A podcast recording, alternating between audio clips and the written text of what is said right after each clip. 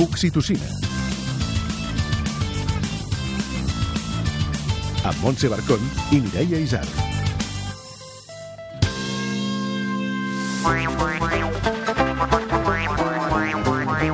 l'Oxitocina sentirem el tu tots tothom d'un membre d'un dels grups que segur que escolteu més a casa, de Penguins. Home, i tant! Rigui que- per xics, però sen- en bucle, eh? Doncs, a més a més d'entretenir els teus fills, els meus i els de tothom, també ets un pare. Veus que bé? I escolteu, sabeu a partir de quina edat s'han de raspallar les dents, eh? Els penguins no, no? Els Els nens. penguins, els penguins també deuen rentar les dents de la seva manera, no? Suposo que sí. Quina quantitat de pasta de dents hem de fer servir? O, o quan és la primera visita a l'odontòleg? En parlem ni més ni menys que amb el president del Col·legi d'Odontòlegs, Toni Gómez. Tindrem també els contes d'un minut de Montmas i el Macón i el Cazorla per treure una miqueta de ferro a la cosa, eh? doncs tot això i més a l'Oxitocina! Tots, tothom. Soc en Ramon, baixista del grup de Penguins, i estem molt contents perquè acabem de publicar un nou disc, anomenat Herois de Cartró. Us esperem el 5 de desembre a la Sala Polo. Què no t'esperaves de la paternitat? De la paternitat, el que no m'esperava és no dormir res de res i seguir aguantant. Explica'ns una anècdota. Una anècdota divertida del món de la música va ser amb el meu fill gran, que té ara 9 anys. I tindria uns 4 o 5 anys que jo estava tocant en un vermut amb tota la banda i ell, sin corto ni perezoso, puja a l'escenari, s'asseu al meu costat i comença a aplaudir. Com si fos un músic més. Manual d'instruccions. Tens una criatureta i per regla general neix sense dents. Passen els mesos i li van sortint i a partir d'aquí s'obre un nou meló ple de dubtes. Fa mal quan surten? Un cop en té li rento o no cal? A partir de quan? Pot tenir càries? A la pipa li deformarà la boca? Quan l'haig de portar per primer cop al dentista? Mare meva, un Uah. cop més, un miler de preguntes se'ns acumulen. Això de tenir fills és un interrogatori constant. Ni que ho juris. Avui en volem contestar unes quantes sobre la boca amb... Toni Gómez, odontòleg i president del Col·legi Oficial d'Odontòlegs i Estomatòlegs de Catalunya. Què tal, com estàs? Molt bé, Benvingut. gràcies. Miro una estona en el sostre la llum de sa mitjanit en forma d'espinada A veure, comencem, abans dels problemes, amb la situació. Quan surten les dents i quan ens hem de preocupar si no apareixen? En condicions normals, a partir aproximadament dels 6 mesos. Eh? Podem tenir també dents connatals o neonatals, que fins i tot hi ha nens que poden néixer amb alguna denteta. Sí, per això dèiem que en general neixen en sense. General, en general, Però a cap als 6 passa, mesos... no? Sí, sí, a vegades passa. Cap als 6 mesos tampoc ens hem d'amoïnar si als 6 mesos no han sortit les dents, perquè estem parlant de que hi ha una forquilla, diguéssim, eh, que poden sortir entre els 6 i 8 mesos, podem començar a notar les incisives inferiors, que normalment són les primeres a sortir. Per tant, aquests mesos, la lactància, ja sigui de llet materna o de, o de llet eh, en pols, eh, és important? Això condicionarà el tipus de dents que tindrà aquesta criatura?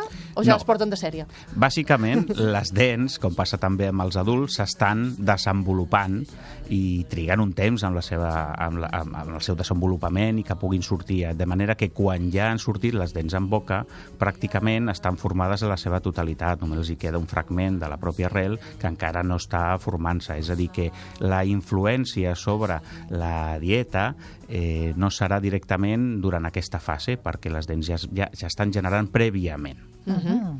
I a partir de què apareixen ja les hem de rentar? Sí, absolutament Sí, sí. a partir dels 6 mesos, quan en té dues, ja n'hi hem de rentar. A partir dels sis mesos. Sí, és cert que per la, per la, l'edat del nen és més complicat fer servir un raspall de dents, però hem de eh, recordar que hi ha raspalls de dents que són pediàtrics, que són molt petitets, però si no tenim raspall de dents o no ens volem complicar amb el raspall de dents, sobretot en el primer any, una vegada que ja han sortit a partir dels sis mesos, com a mínim rentar-los amb una gasseta, és a dir, que hi hagi, que el nen ja sàpiga que hi hagi aquest hàbit, d'una manera molt inconscient, però sobretot que cuidem que no hi ha, no hi ha restes que es queden al voltant de les dents. Al principi tindrem poqueta feina perquè són dos dentetes, és a dir, que només només passant una gasseta eh, tindrem suficient, i si no amb un raspallet. Però sí, s'han de raspallar o netejar, millor dit, des de que surt la primera dent. Cal afegir algun producte o Bueno, no cal? Durant, eh, durant els primers mesos podríem dir que no caldria ser, o durant el primer any de vida, però de seguida que podem, a mesura del possible, hauríem d'afegir pastes flu- fluorades per nens. a Però partir quines? de... Perquè n'hi ha moltes, quan vas al súper, que, Sí. clar, jo m'ho miro, n'hi ha moltes infantils Sí. que et diuen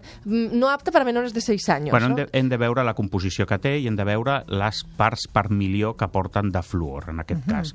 Eh, amb aquestes edats eh, inicials, eh, la recomanació de concentració de fluor són 1.000 parts per milió, és a dir, hem de veure 1.000 ppm.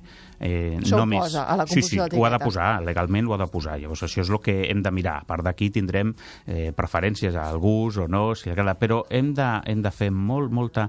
Eh, mo- li hem de donar molta importància, molt incís, a la quantitat de dentifrici que s'ha de fer. És a dir, eh, la pasta de dents, el dentifrici és important, és important l'aport de fluor des de, des de ben d'hora, però hem de pensar que no necessitem una quantitat ingente, és a dir, no necessitem grans quantitats com acostumem a fer fins i tot els adults perquè ja ens ho ensenyen o no ens ho han ensenyat, ningú ens ho ha explicat. I en el primer any de vida, pràcticament el que hem de fer és fregar, pintar el raspall de dents i, i molt subtilment.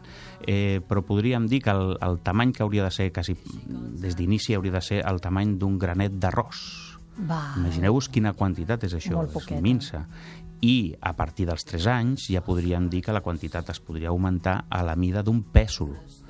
O sigui, clar, I el meu fill que em va davant que li posi més i més, Bueno, perquè ja, ja, molta ja, ja és que se la menjarien, eh, que farien... Bueno, és normal, perquè aquí el problema que tenim el de les quantitats és que normalment les pastes de dents, eh, els dentifricis d'aquestes edats, amb aquestes concentracions, poden tenir gust, per exemple, a maduixa, que són molt agradables, i llavors al nen pues, eh, li pot venir ganes de menjar-se tot el tub. O sigui, els tubs han d'estar eh, fora del seu abast i han d'estar controlada la, la, la, la quantitat de pasta de dents. I no hem d'oblidar que fins als 3 anys, pràcticament, el raspallat de les dents l'han de fer els pares encara que estem cansats, encara que el nen no col·labori, l'hem de fer els pares. I fins als 6 anys, és a dir, dels 3 als 6 anys, uh -huh. aproximadament, el que hem de fer és supervisar-ho pels pares. Ja no val dir-li al nen, renta'n les dents. Tots ens passa, eh? però això és el que hauríem de fer. Encara són petits per fer-ho de Fins manera- als 6 anys, ells no poden adquirir una tècnica mínimament eh, efectiva per netejar les dents bé, amb la qual els hem d'ajudar fins als 3 anys, insisteixo, ho hem de fer nosaltres activament i després, com a mínim, supervisar-los fins als ills, fins als 6.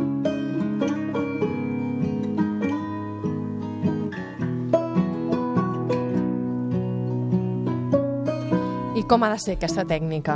Com els hem de rentar i amb quin tipus de raspall? Supo... Bueno, això, uns dit uns pediàtrics, no? Sí. A partir dels dos anys que ja tenen totes les dents, també, un d'aquests especials. Hem de, hem de pensar que les boques són petites, per tant els raspalls han de ser petits.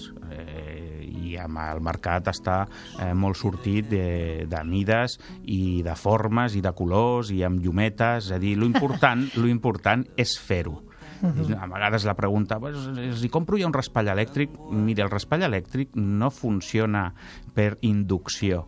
Dir, no es mou solet, no et ve a visitar, és a dir, hem d'agafar, i sigui elèctric o sigui manual, hem de tenir una, una actitud activa i proactiva i moure'l i anar a remenar tots els racons i totes les superfícies. És a dir, un raspallat, amb un adult, per exemple, eh, la, la mitjana de durada quan es fan enquestes així a, a, a cegues és pràcticament de 40 segons. Quan nosaltres portem anys i anys, tota la professió porta anys recomanant que el raspallat ha de ser entre 2 i 3 minuts. Eh, Els nens també? I, bueno, amb els nens és, és evident que això és més... Un, una, una, un Seria consell. impossible, això, No, tres no, no, hi ha, hi ha un truqui-truqui que us dic, que és posar-li una cançó. Clar. I ara ens raspallem en el temps que dura aquesta cançó. Ah, mira. I cola, eh? I cola. Sí, sí, sí, és una tècnica. Els raspalls elèctrics més, eh, més diguéssim, avançats ja porten també uns temporitzadors, porten aplicacions amb el mòbil, però insisteixo, lo important és fer-ho, estar l'estona suficient, dedicar-li a la nostra boca des de ben petits el temps suficient, perquè hem de pensar que aquestes edats són les inicials com per tot, com amb l'educació, però els hàbits, els bons hàbits, hàbits és quan s'han d'adquirir. Després de gran és molt més difícil que tu puguis estar fent un raspallat de 3 minuts quan portes tota la vida fent-ho de segons. Clar. I això és molt més difícil adquirir-ho. Ho fas un dia, ho fas dos dies, quan vas al dentista, que estàs sensibilitzat, però a la setmana ja no te'n recordes i fas el mateix. I estem parlant de tres cops al dia.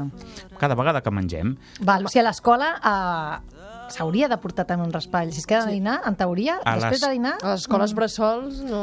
a no, a, l'escola la- a, la- s'hauria a de P3 portar. tampoc i a P4 tampoc. El que passa és que eh, hem d'entendre que cada vegada que fem una ingesta, cada vegada que mengem, els nens o els adults, és pràcticament impossible que eh, puguem portar el raspall, Clar. és a dir, amb el món eh, occidental que vivim, és a dir, que no fas tres àpats al dia, sinó que fas moltes més ingestes, pots berenar, pots menjar alguna cosa a, a mig matí, els nens fan el mateix i dir, poden estar picant, per això el, el, el problema, és a dir, no és tant eh, les tres vegades, sinó el després de menjar. Vull dir, això és el que hauríem de fer però eh, hem de partir de la base que és impossible fer el 100%, amb la qual el que hem d'intentar és cada vegada que està dintre de les nostres possibilitats fer-ho efectiu. El nen hauria de portar, hauria de tenir raspalls a l'escola? Sí, hi ha moltes escoles que això ho permeten i ja tenen eh, guixetes especials o armaris especials perquè no es puguin intercanviar els raspalls, que aquest és un dels, dels problemes eh, que tenim d'escoles de, que ho deixen o ho deixen fer, però de totes maneres aquí l'important és pensar en la importància de tot el dia, no només amb la ingesta que puguin fer al migdia. I de poc serveix que ho vulgui fer i que estiguin molt interessats de que ho faci al migdia, però és que no ho fa ni a la nit, ni ho fa després Clar, de berenar, clar. ni ho fa després de la festa d'aniversari que s'ha inflat a xutxes. Doncs ara que ja sabem una mica els hàbits saludables, anem a veure quins problemes eh, trobes més habitualment a la consulta en aquestes edats.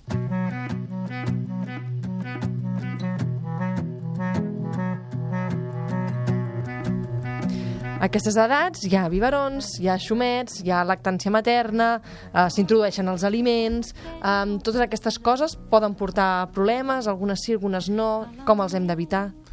Eh, sí, els xumets sobretot. El xumet hem de tenir una cosa ben, ben, ben clara. El xumet s'ha d'abandonar abans dels 3 anys. Això és lo recomanable. Però s'ha de diferenciar, per tranquil·litzar també a molts pares i mares, entre el que és l'ús i el que és l'abús. Mm. Un xumet fet servir 5 minuts abans d'anar a dormir per la nit, per tranquil·litzar el nen o la nena, no afectarà absolutament en res amb l'oclusió, és a dir, amb la posició d'aquestes dents. Això seria ús. Una altra cosa és l'abús. És a dir, que aquest nen més gran de 3 anys o, o prop dels 3 anys, on ja hauríem d'estar preocupats perquè el que ha dit el president del col·legi és que als 3 anys i resulta que el meu no, hem d'analitzar molt bé quin és aquest ús. Moltes vegades es fa servir d'una manera pues, eh, quasi calmant, no? o quasi Cada pre... vegada que passa alguna cosa, no? Exacte. És a dir, hem de veure, realment el xumet fa mal eh, o pot portar problemes d'oclusió quan es fa servir més enllà dels 3 anys, molt més enllà dels 3 anys, sobretot amb un ús molt constant, és a dir, el nen dorm tota la nit amb el xumet. Clar, quan estem parlant de que es passa més de 5 o 6 hores amb, un, amb una cosa a la boca, eh, estem parlant de que això crearà uns efectes. Per això dic, s'ha de diferenciar molt entre l'ús i l'abús, però com a norma general i, i, i que sigui jo efectiva, cap als 3 anys hauria de ser ja el xumet fora. Llavors, ens hem de preparar. I això es pot fer de dues maneres. O de manera eh, paulatina o de manera fulminant. Llavors, bueno, si ho fem de manera fulminant, evidentment no cal preparar-nos, però eh, si ens hem d'anar preparant, normalment els nens, quan són petits, els nadons, eh, els pares d'una manera més pràctica acostumem a inundar el bressol amb xumets perquè el trobi durant la nit, no? Això, al final, la pràctica diu, clar, si tens un xumet només vas, vas, vas fatal. És a dir, que eh, el que hem d'anar és preparant això, per exemple, és a dir, anar retirant xumets. Si tenim 10 xumets voltant per casa, doncs el que hem d'anar fent és reduir-los, no? I aplicant tècniques que puguin servir, tot depèn també del grau de dependència. Jo tinc dos fills i un va estar enganxadíssim al xumet i l'altre és que no el volia però, però ni, de, re- ni de res en descut. Sí, sí, sí. I xumar-se el dit, perquè, clar, eh, el xumet és un objecte, mira, el treus i ja està, pots tenir unes nits complicades, però als nens que els agrada xupar el dit, això Sí, com... fer la pipa, que és el que Exacte. coneixem com fer la pipa, és exactament el mateix. I els problemes són els mateixos. Els mateixos, és a dir, eh, fins i tot mm, pot ser més agressiu a l'ús de la pipa. Mm, Per això de que la facilitat de tenir-ho, el xumet, el nen l'ha de buscar, l'ha de tenir al seu abast, però clar, el dit el té a la seva mà, amb la qual eh, eh, a l'abús, en aquí sempre estaríem parlant quasi quasi d'abús, no? I s'han de vigilar aquestes conductes, eh, hi ha una sèrie de eh, maneres de fer-ho, parlant amb el nen, el seu propi pediatre, moltes vegades això simplement funciona, els pares estan allò capficats i el porten al, al metge i, i el pediatre els hi diu, els hi explica, és a dir, estem parlant ja d'unes edats on ens hem de començar a preocupar que el nen o la nena ja comença a poder entendre's, i, però evidentment és un problema exactament igual que el xumet, eh, com també ho és el biberó, és a dir, hi ha nens o, o famílies on eh, l'anar a dormir amb el biberó, pràcticament tota la nit amb el biberó eh, col·locat a modo de xumet, és a dir, això també s'ha de- d'evitar. I si tenim a partir dels 3 anys hàbit incorrecte de pipa, el que hem d'anar és consultar, part del pediatre, consultar també el dentista perquè hi ha sistemes per anar traient això. Moltes vegades col·locant un petit aparellet a la boca que no fa que, que sigui fàcil o que sigui còmode col·locar el dit, etc. Eh? o el ho fem- pintaungles aquell amargant... Sí, això hi ha, hi, ha moltes, hi, ha, hi ha moltes tècniques. Evidentment, les del xumet són més efectives perquè és un objecte, no? Amb Clar. el dit és, és més complicat, no? Però sí, hi ha mm, com per mossegar les ungles o, posar-hi llimona, o posar-hi all, o posar-hi pebre, però clar, al Pobre, final... ai, això, pobre. Això, normalment, els casos del, dels casos de la pipa, eh, el que s'ha de treballar és molt amb el nen i que entengui d'una manera conscient que allò és algo que no ha de fer. Que no ha de fer, ja està. I la càries del biberó, això què és? És Bueno. un mite? No, no és un mite i malauradament tenim casos que podem veure pràcticament eh, cada setmana o cada dues setmanes eh, de casos així i són dramàtics perquè trobem patologia, patologia important, càries importants, amb lesions fins i tot del nervi ja, perquè les dents de llet també tenen nervi, amb unes edats molt, molt prematures no? per tenir aquest tipus de patologia.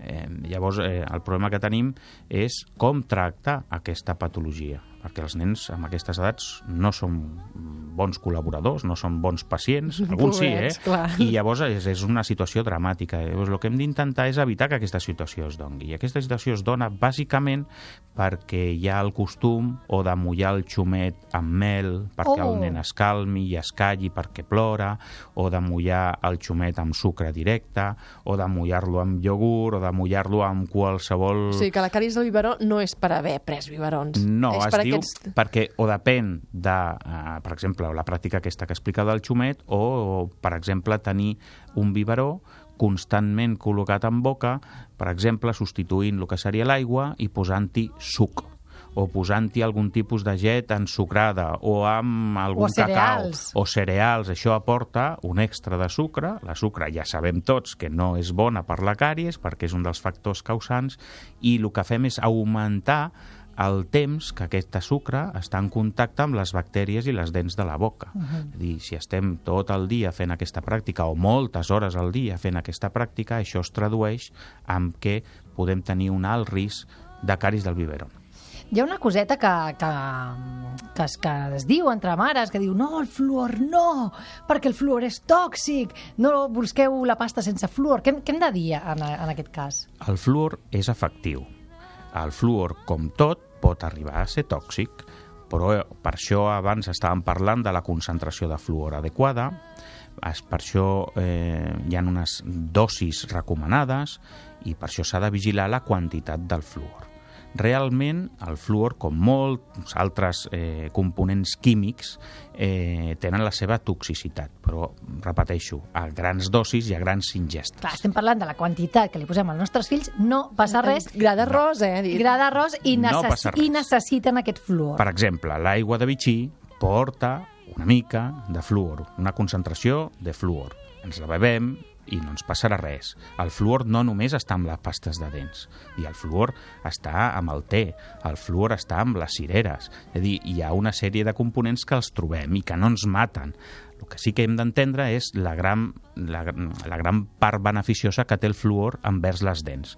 I llavors eh, hem, de, hem de veure que aquests beneficis són molt millors que el risc que tenim de fer una intoxicació de fluor. Per tant, està recomanat. La OMS diu que el 50% de les càries, és a dir, que redueix pràcticament el 50% el Amb el de càries. Fa, els, fa l'esmalt que sigui més resistent enfront dels àcids i llavors això fa que sigui un mètode preventiu i que no ens hem de preocupar, no hem de tenir por eh, i no hem de patir, és a dir, és que haurien de menjar-se que sí una furgoneta plena de pasta de dents perquè això fos arribar... Que capaços són, eh? I l'última pregunta, quan, és, quan hem de portar els nens per primer cop a, a l'odontopediatre? Si no té cap problema, eh? evidentment, si veiem que té una càries o així, però si és un nen aparentment sa i... Des del primer any. El Oh, primer ja any hem de fet una consulta, ja ja. tard. Sí, perquè sobretot aquesta visita és important pel nadó, però és molt important pels pares. És a dir, que tota la societat científica està d'acord en que la primera visita al dentista ha de ser durant el primer any de vida. No, és que, és que li han sortit les dents als sis mesos, pues, per això. Doncs moltes gràcies, Toni Gómez, odontòleg i president del Col·legi Oficial d'Odontòlegs i Estomatòlegs de Catalunya. Uh, en prenem nota de tots els consells, esperem rentar bé les dents als nostres Ai, fills. Fins aviat. Gràcies.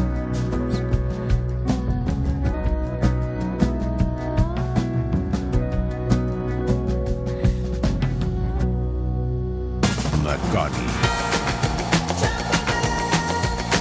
I quan ja més o menys comences a dominar això de tenir un fill, perquè fa mig any que portes la L, de sobte un dia, algú, normalment els avis, et diu Ai, mira, se li estan sortint les dents!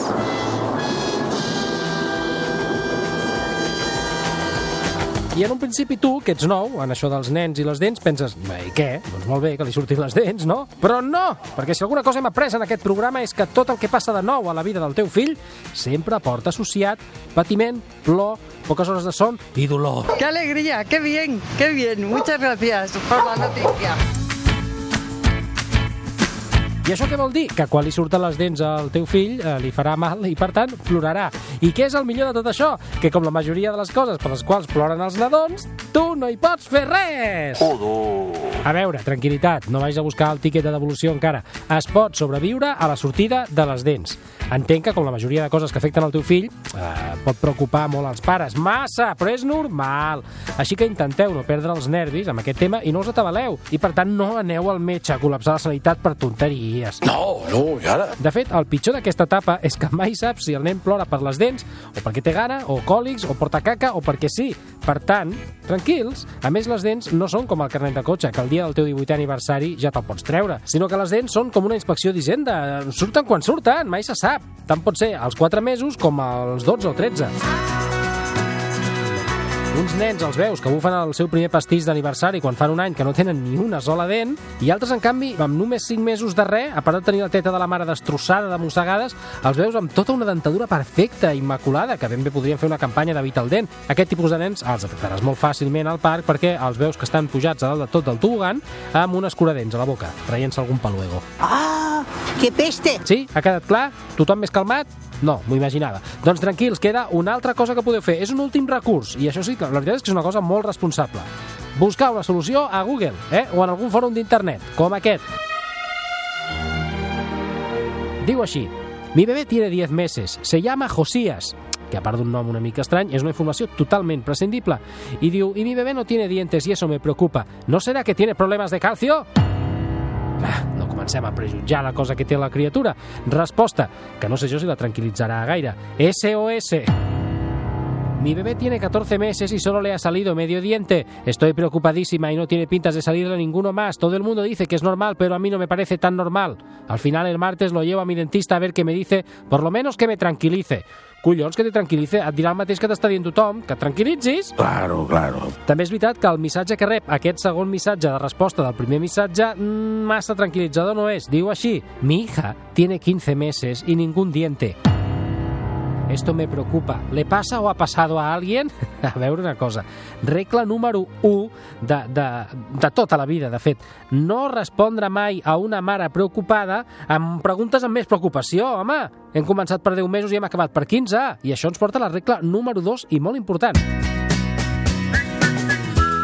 Quan tens fills, el que predomina és el meu encara més i millor. Fins i tot amb això, el meu no n'he sortit amb 14. I segur que després del de 15 hi ha una resposta de el meu fill té 42 anys i encara no té dents. Les dents sortiran i els vostres fills ploraran molt, però quan puguin rosegar el seu primer crostó de pa o robar-te del teu plat el seu primer tros d'entrecot, se'ls oblidarà tot el mal, home! Perquè són atòpic, però per estalviar-vos una visita tonta al pediatre, a tots els nens els surten les dents. O és que a casa heu vist mai algun adult que no tingui dents? És que... A, part d'aquest, òbviament. Ai. Whatsapps desesperats. Has de portar els nens a casa dels teus pares, però el teu fill vol jugar sí o sí que condueix. Tu, per no barallar-te abans de deixar-lo amb els avis, accedeixes. Quan vas a agafar-lo per posar-lo a la seva cadireta, s'ha pixat al teu lloc. I amb toallites de la filla petita neteges el teu seient. Però ara que estic conduint, vaig amb tot el cul mullat i he de fer tots els encàrrecs que he de fer aquesta tarda amb els pantalons mullats. You work it out. El culturista. Ai, aquesta musiqueta nipona vol dir que tenim aquí la Laia Falcón del Culturista. Com estàs? Molt bé, noies. T'agrada? Vosaltres? Molt bé, bé. T'agrada o no la sintonia? Molt. La, Ca- cada dia, l'anime. No, no, ca cada cop la tinc més introduïda. Eh que sí, jo també ja t'associo directament, eh? Què, què ens portes, Laia? Avui, llibre. Mm. Llibre, ja sabeu que no parlo de novetats estrictes i aquest és un, un cas. És un llibre que fa, fa uns anys que va editar l'editorial Joventut, però que l'han anat reeditant Uh, perquè és, eh, la veritat és que uh, està molt bé. És, és clàssic i ara potser no es porta tant és uh, amb aquarela uh, apaisat uh, però està molt bé. Es diu La senyora dels llibres. L'autor és Heather Henson i l'il·lustrador és el David Small i el llibre està inspirat és, és, és ficció però està inspirat en una història real que és la història uh, de les biblioteques a cavall ah? que A cavall? Es, a cavall que als Estats Units es coneixen... Sento la música i m'agrada molt. Gràcies, Fran. eh, es, es coneixien per les senyores dels llibres. És un model similar al que hi havia a Llatinoamèrica amb el biblioburro o la bibliobarca i de fet aquí va haver-hi el, els bibliobusos eh, que van començar la seva tasca eh, just abans i durant la Guerra Civil. I el, la, diguem, la idea era acostar llibres a llocs on remots que és molt difícil arribar-hi i que no tenen escola o, o es costa que hi hagi escoles i, i biblioteques. En aquest cas, tot això passa als apalatges de, de Kentucky, Estats Units, i la història explica això, una senyora dels llibres, tot el camí que fa, un recorregut amb penya-segats, serralades, eh, camins de, de pedregar, per arribar a casa dels protagonistes, que és en Cal i la seva germana. La història està explicada pel Cal, eh, i com la seva germana devora llibres i com espera aquesta visita quinzenal, perquè pugen cada 15 Clar. dies, per portar-li un altre llibre i tornar al que s'ha llegit. I el millor és com en Cal comença sense entendre per què li interessen els llibres, quin sentit tenen els llibres, i sobretot per què algú es dedica a, a cavall pujar fins a Aquest casa seva. sacrifici, no? Amb el cavall, els llibres. Però hi ha un moment que en Cal veu la llum, no? I és, bueno, és un llibre molt... és bonic i, i és interessant, però sobretot ret un homenatge a, a aquestes bibliotecàries, però sense caure tampoc en... Ah, no és gaire nyonyo, No, és zero nyonyo. I, I això, i la escenografia és de western, vull dir, fins i tot la És com un tipografia... llibre d'aventures, no? Vull Sí, en realitat sí. En realitat, la peripècia que passa la, la senyora per pujar els llibres a, a casa seva és, és complicadíssima. Mm, L'haurem de comprar, eh? Sí, Recorda'ns el títol? Sí, uh, la senyora dels llibres, tal qual, com es coneixen a, allà. Doncs vinga. Apuntat? El posem a la llista. Vinga.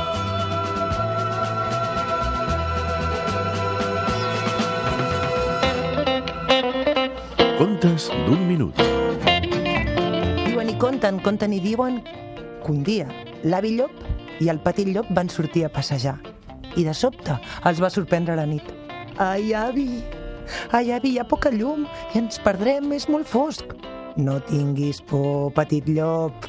Els estels, els estels ens guiaran. I camina que caminaràs, camina que caminaràs, l'avi llop li anava mostrant a petit llop els estels. Mira, allò d'allà és Mart. I allò d'allà, allò que brilla tant, és Venus. I a poc a poc, A poc a poc, el petit llop va descobrir com ballaven els estels, com el cel s'il·luminava i com hi havia un grapat de constel·lacions que no coneixia. Quan van arribar a casa, a la seva cova, just abans d'entrar, l'avi llop li va xiu-xiuejar. Petit llop, una nit d'aquestes, t'ensenyaré la lloba major i la lloba menor. Però són constel·lacions que només tu i jo descobrirem, perquè això només ho saben els grans, grans i savis llops. I ara l'Elisabet Pedrosa, de l'Ofici d'Educar, ens ha deixat un missatge. Hem après que si mirem amb empatia, més enllà de l'etiqueta de l'autisme, podem descobrir a la persona, a la criatura. La Rosa Vela ens ha explicat l'experiència amb un alumne amb autisme. Un bon dia a la classe de física es va aixecar, va venir directe cap a mi i em vaig com retirar una mica i quan va connectar la mirada i ell va connectar el seu sentiment, el que va fer va ser abraçar-me i abraçar-me molt. Realment vaig entendre que el que em volia dir és que no m'espantés i l'entengués. Això em va colpir moltíssim, em va marcar moltíssim. Vaig entendre que aquell noi havia de fer física com la resta, havíem d'estar al laboratori com la resta, doncs amb molta alerta, um, d'una manera més simple, però que ell ho podia fer, i així ho vam aconseguir. Oxitocina. Un consell per acabar. Un consell. Sempre escoltar els consells que ens donen els més petits. La dosi d'oxitocina setmanal s'acaba aquí. Si en voleu més, en trobareu al grup de Facebook, al blog del programa i al podcast.